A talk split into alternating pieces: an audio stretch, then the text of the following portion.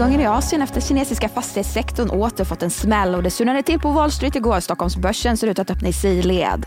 Det är fredag den 18 augusti. Du lyssnar på DI Morgonkoll och jag heter Sofie Gräsberg.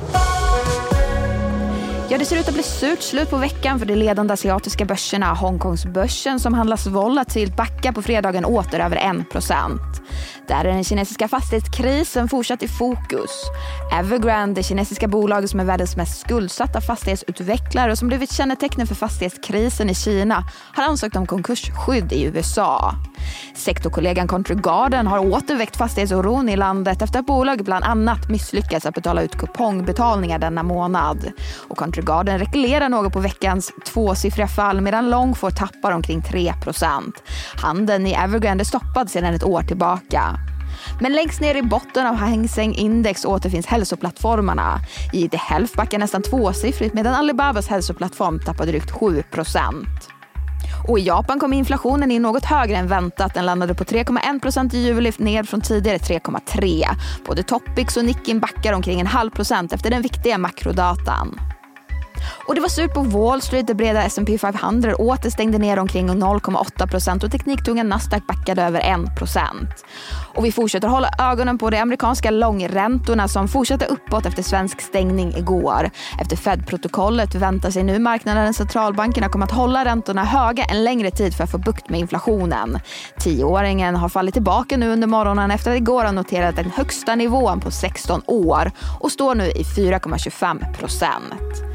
Samtidigt faller kryptovalutan bitcoin tillbaka och är nu nere på lägsta nivå på två år. En bitcoin kostar drygt 26 000 dollar.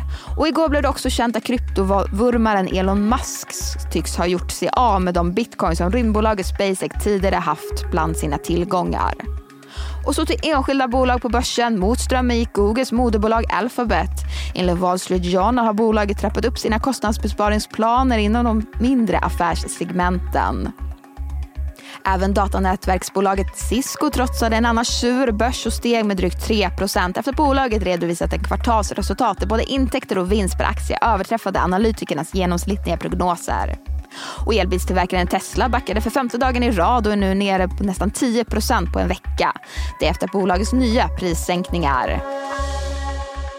Sverige Sveriges och utbildningsbolaget BTS rapporterar ett ebitda-resultat på 106 miljoner kronor, något lägre än samma kvartal i fjol. Men bolaget ökar omsättningen till drygt 700 miljoner kronor. Samtidigt sänker bolaget sin resultatprognos och räknar nu med att resultatet 2023 kommer att vara i linje med 2022. Senare idag rapporterar även Björn Borg och Boost för att nämna några. SBBs vd Leif Synes har köpt aktier i bolaget för 400 000 kronor. Det rör sig om 50 000 B-aktier och 50 000 D-aktier. I början av sommaren ägde den nytillträdde vdn 220 000 B-aktier. Och försäljningen på nätet ökade med 2% i juli efter att ha minskat i juni. Det visar Svensk Handels e-handelsmätning. Uppgången i juli är ett trendbrott då e-handeln minskat samtliga månader i år sedan februari. Och så har vi intressant makro att se fram emot denna fredag när vi får den europeiska inflationen. I euroområdet väntas inflationen sjunka något och komma in på 5,3 procent i årstakt vilket blir intressant inför kommande räntebesked från ECB. Men det var allt för den här nyhetsuppdateringen. Missa inte Börsmorgon kvart i nio som senare släpps som podd. Där intervjuar vi bland annat rapporterande Boost, Björn Borg, Catella och Gotlandsbolaget. Det är Morgonkollet tillbaka igen på måndag. Jag heter Sofie Gräsberg.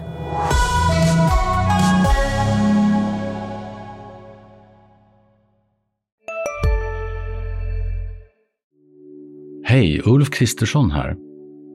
På många sätt är det en mörk tid vi lever i. Men nu tar vi ett stort steg för att göra Sverige till en tryggare och säkrare plats. Sverige är nu medlem i Nato. En för alla, alla för en. Där det finns ett samhälle, där finns det brott. Krimrummet är podden som tar brottsligheten på allvar.